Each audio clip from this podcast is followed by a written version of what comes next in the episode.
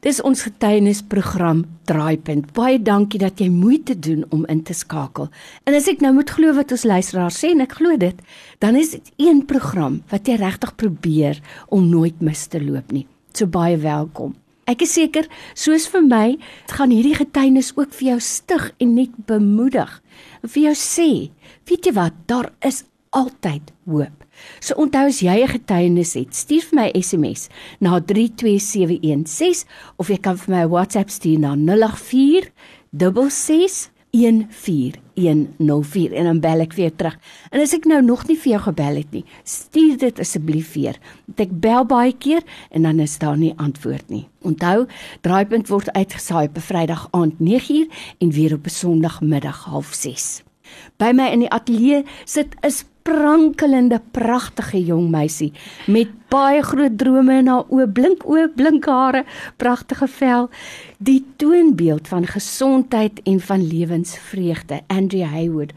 Andrea, jy's in graad 11. Dit is my so lekker om jou hier te hê. Baie dankie, is lekker om hier te wees. En dat jy nog tyd maak in jou vakansie ook. Waardeer dit baie hoor. Andrea, weet jy, Ek dink baie keer sien mense 'n klein struikelblok as 'n geweldige groot gebeurtenis in hulle lewe en hulle voel amper ek kan nie verder gaan nie. En daarom is dit vir my belangrik dat ons baie keer vir mense sê, ongeag wat jou storie is, wat jou struikelblok mag wees in die wêreld se oë. Mm. Jy kan waarlik waar doen wat jy wil doen mm. en bereik wat jy wil bereik want Definitief. ons is tot alles in staat deur Christus ja. wat ons die krag gee. Hy is ons in staatstelling. Waar begin jou verhaal? Ag, ek seker maar by geboorte. Ehm um, Ek het 'n gestremdheid met die naam cerebral palsy en ons het dit vroeg al in my lewe um uitgevind. Ek was seker so 6 weke oud toe ons al gesien het daar's probleme. En um hulle het brain scans gedoen gesien ek het um so 'n akste breinskade en ja, toe op die einde was al vir my ouers gesê dat weet jy, hulle moet voorberei om dat ek gaan nie normaal wees nie. Ek gaan moet na 'n spesiale skool toe gaan. Dit gaan moeilik wees en ja, en ek dink van daai so daai einste dag het my ma net en my pa ook net gesê, weet jy, ons weier om dit te glo. Ehm um, ons gaan nie hierdie negativiteit op ons dogter neersit nie.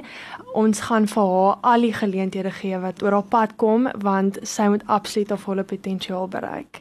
Ja, en die Here het ook 'n groot rol daarin gespeel. Nou Andrea, weet jy wat nie? Ek kyk na jou vandag iemand wat dit nou glad nie weet nie, sal nooit nooit eers raai. Dankie Tannie. nee, ek sê, um, ek sou sê jy kan maklik modelleerwerk ook doen as jy sou wou vir 'n ja. tydskrif, nê. So niemand sal dit ooit kan raai nie. Ja. En hoe groot rol het dit in jou lewe gespeel dat jou ouers besef het of kleintyd reeds besluit het ons gaan vir jou normaal groot maak, ons gaan nie vir jou watte toe dra nie. Nee, dit is dit is absoluut die grootste rol. Dit is absoluut een van die grootste dinge wat my sukses in my lewe veroorsaak het. Um En maar dit het definitief nie maklik gekom nie. Ja. Ons praat van jare en jare se terapie. Deurry Kaap toe vir terapie, vir doktersafsprake. Ehm um, so dit was definitief nie 'n maklike pad nie. My ouers het nooit ook al weggesteek dat ek anders is nie wat mm. vir my ook groot was want mm. jy weet jou kind is anders, maar hulle sê altyd vir hulle kind, jy weet jy is doodnormaal, daar's niks fout met jou nie. En dan op die einde as hulle groot word dan iewers in jou lewe besef jy maar ek is anders en my ouers het half daan daarvan 'n punt gemaak ook om om vir myself vertroue te gee en my in my andersheid. Ehm um, dat ek weet dat ek opdaag in 'n gesprek en dat dit nie vir my 'n ding is waar ek moet skaam wees nie. Want die Here sou nie vir my so gemaak het om daar skaam te wees. Dit is eintlik iets om te celebrate want ek kan mense raak deur my getuienis en ek het dit eintlik in my hoërskoolloopbaan eers besef. Um, Maar ja, dis eintlik so powerful, ja. Ja, jy weet, uh, ons lees ons nou in 1 Petrus dat hy vir ons sê, wees altyd gereed om 'n antwoord te gee vir die hoop wat in mm, jou lewe. Ja. Want ek dink mense gaan na jou kyk en sê, jy's so blymoedig, jy's so stralend, jy het soveel selfvertroue. Uh, hoe kry jy dit reg? En dan is dit 'n geleentheid om te getuig, né? Nee? Ja, ek ek moet sê daar was 'n tyd in my lewe gewees waar jy dink, jy weet, hoekom ek?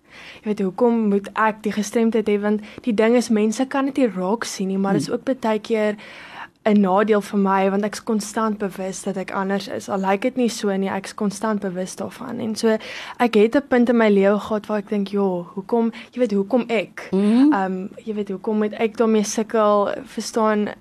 Ehm um, maar dis juist waar jy jouself moet vra hoekom nie ek nie." En ek het baie sulke vrae gehad in die laerskool want so Tannie mag gesê het kinders raak maar wreed en ek Mm. het billebakke gehad soos wat hulle in Afrikaans sê.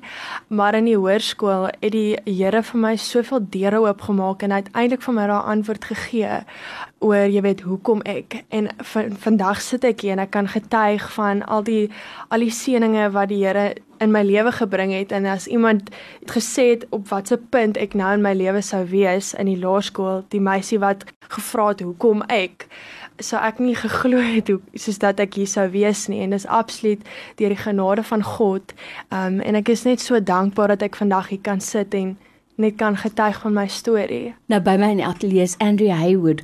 Andrea, jy's 'n graad 11 leerder, maar ek moet vir jou sê jy het geestelike insig wat baie mense baie laat in hulle lewe eers ontdek.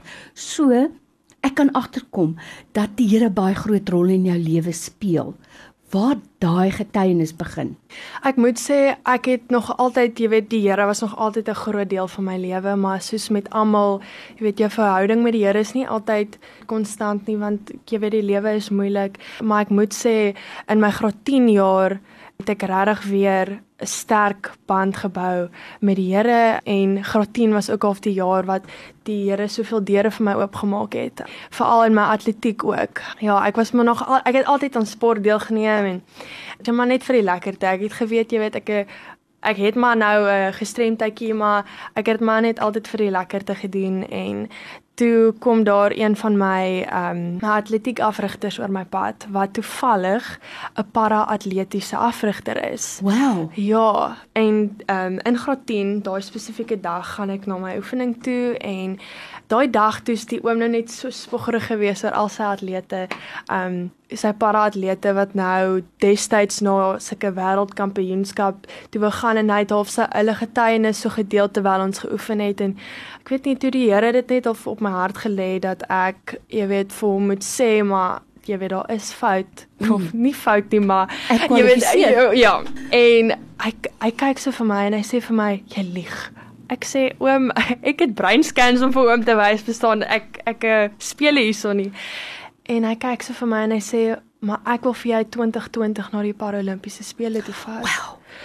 En ek staan daar en ek dink net by myself, hierdie oom is beserk. Wow. hy is nie lekker hier in in sy in sy kop nie, maar ja, toe dit eintlik so gerealiseer en net deure oopgemaak, maar daai's 'n ander storie en en toe besef ek net God se goedheid. God is altyd goed. God was nog altyd goed en hy gaan nog goed wees en hy's nou goed. En toe in graad 11 kry ek 'n fantastiese kamermaat, um, Nina Mogie. En sy is ook so ongelooflik lief vir die Here. Dit is fantasties en weet jy, sy het my ook so geestelik laat groei en sy is so supportive in my drome en en sy het my andersheid so embrace. En ja, sy, ja, sy is soos half 'n mentor vir my. Al is ons dieselfde ouderdom, ek glo dat jy mentors jonger, ouer. Natuurlik. Ehm um, so sy was definitief een van my groot rolle in my geestelike lewe, ja. Wat 'n wonderlike getuienis is dit nie. Jy weet en ja, ek besef toe kom 2020. Maar weet jy as 'n mens nou mooi daaroor dink, die Here se detail is so besonder. Mm. Ons weet, een uit soveel geboortes word 'n baba gebore met cerebral palsy en die Here besluit om dit vir twee ouers te gee. Hy spaar 'n paar duisend ouers dit en hy gee vir jou vir ouers wat jou gaan bemoedig en jou gaan aanspoor om die beste te wees wat jy kan. Die Here se detail en sy tydsberekening is net ongelooflik. Ja. Jy weet, ek wil tog vir jou vra ten slotte, as hier nou ouers is wat na ons luister, wat ook nou verslag van dokters afgekry het. Ons sê altyd the first report is not the last report. Ja. En dit is die Here wat dit sê sal hê. Hoe kan jy vir hulle bemoedig om hulle kind se probleem aan te spreek?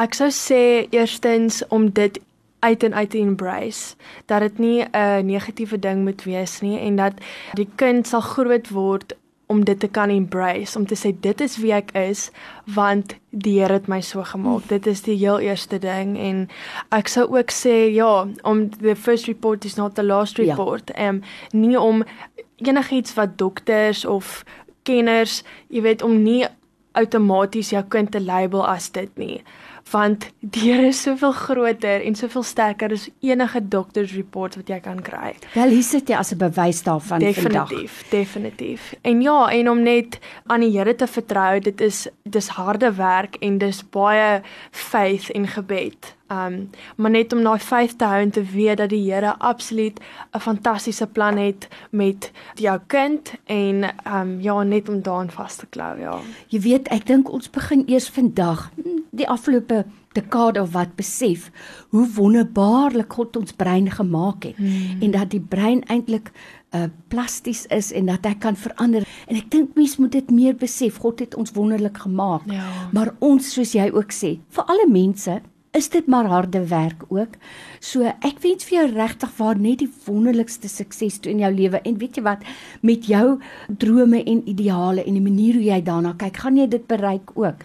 En ek weet die Here het 'n plan daarmee en hy het 'n doel daarmee. Baie baie dankie. So ek is so bly dat jy dit vandag met ons kom deel. Baie baie dankie. Ek hoop voorrecht. ja, ek hoop my getuienis kan hoop gee en dat dit 'n impak gee en dat dit nie ek is wat praat nie, maar dat dit regtig die Here is wat ander bemoedig. Amen sê ek daar op die kragtige getuienis van 'n graad 11 leerder. Kan jy dit glo? Dis Andrea Haywood. So dankie vir jou tyd vandag en dankie vir jou ouers wat jy gebring het. Ons waardeer dit. baie baie dankie Tannie.